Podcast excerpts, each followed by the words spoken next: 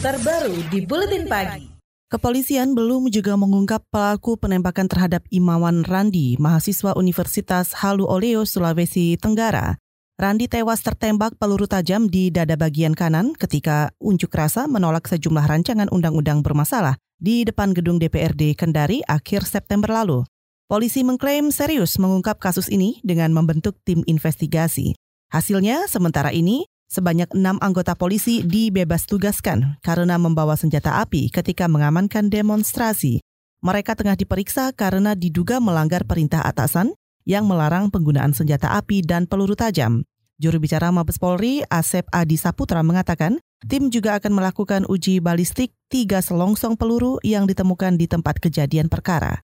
Uji balistik dilakukan di Belanda dan Australia. Proyektil urgensinya apa, begitu diperiksa ke Australia dan Belanda. Tentunya kita berharap bahwa teknologi secara laboratoris ya terhadap pemeriksaan ini akan lebih mendapatkan uh, sebuah hasil yang betul-betul konkret dan nyata ya.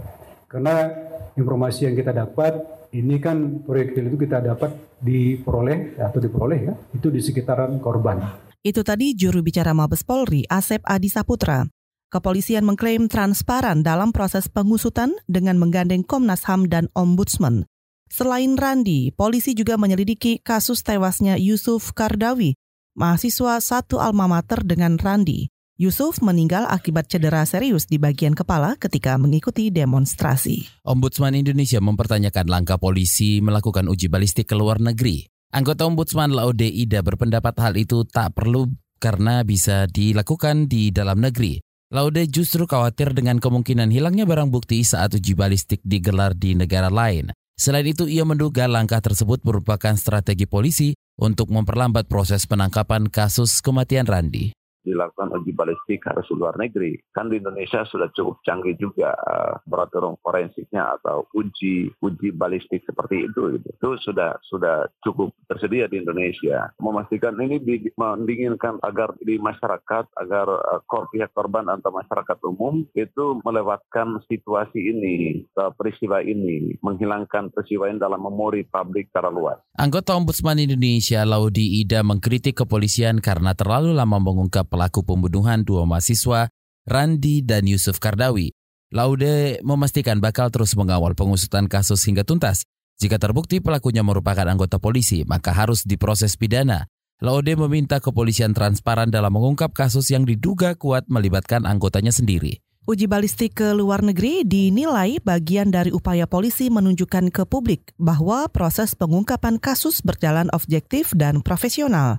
Pengamat militer dari Universitas Pajajaran, Muradi, mengatakan jika uji balistik dilakukan sendiri oleh polisi, maka hasilnya beresiko ditolak karena persepsi negatif publik terhadap Korps Bayangkara teman-teman polisi ingin melegitimasi apa yang menjadi keputusan dan kebijakan yang mereka buat. Baik kalau memang katakanlah ternyata bukan selongsongnya senjata organik polisi, maka mereka dengan dengan, mengatakan bahwa ini dari pihak luar loh yang yang uji balistik dari pihak luar. Ataupun kalau misalnya ternyata kemudian ada oknum dari anggota polisi yang senjata organik digunakan, maka kemudian mereka dengan mengatakan bahwa ini adalah bagian dari upaya untuk melakukan pembersihan dan sebagainya supaya kemudian legitimasi mereka terkait dengan penggunaan nir senjata untuk merespon demonstran itu memang betul-betul dilakukan oleh anggotanya secara efektif dan uh, konsisten. Pengamat militer Muradi yakin uji balistik di luar negeri bisa selesai dalam waktu sekitar tiga hari. Pasalnya, Belanda dan Australia memang dikenal memiliki peralatan canggih.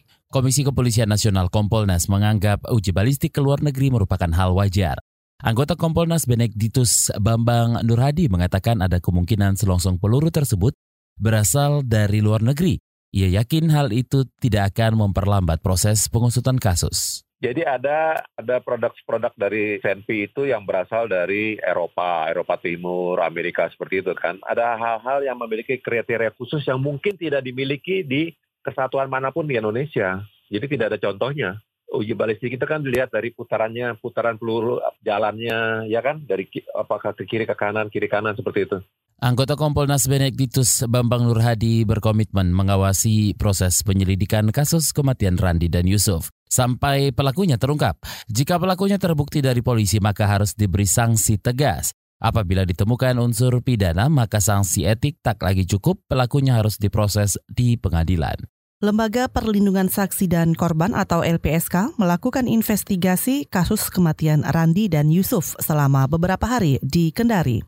Komisioner LPSK Ahmadi mengatakan, menemukan ada sekitar empat orang yang berpotensi menjadi saksi yang berguna untuk mengungkap kasus. Namun mereka enggan bersaksi karena takut membuat keluarganya khawatir.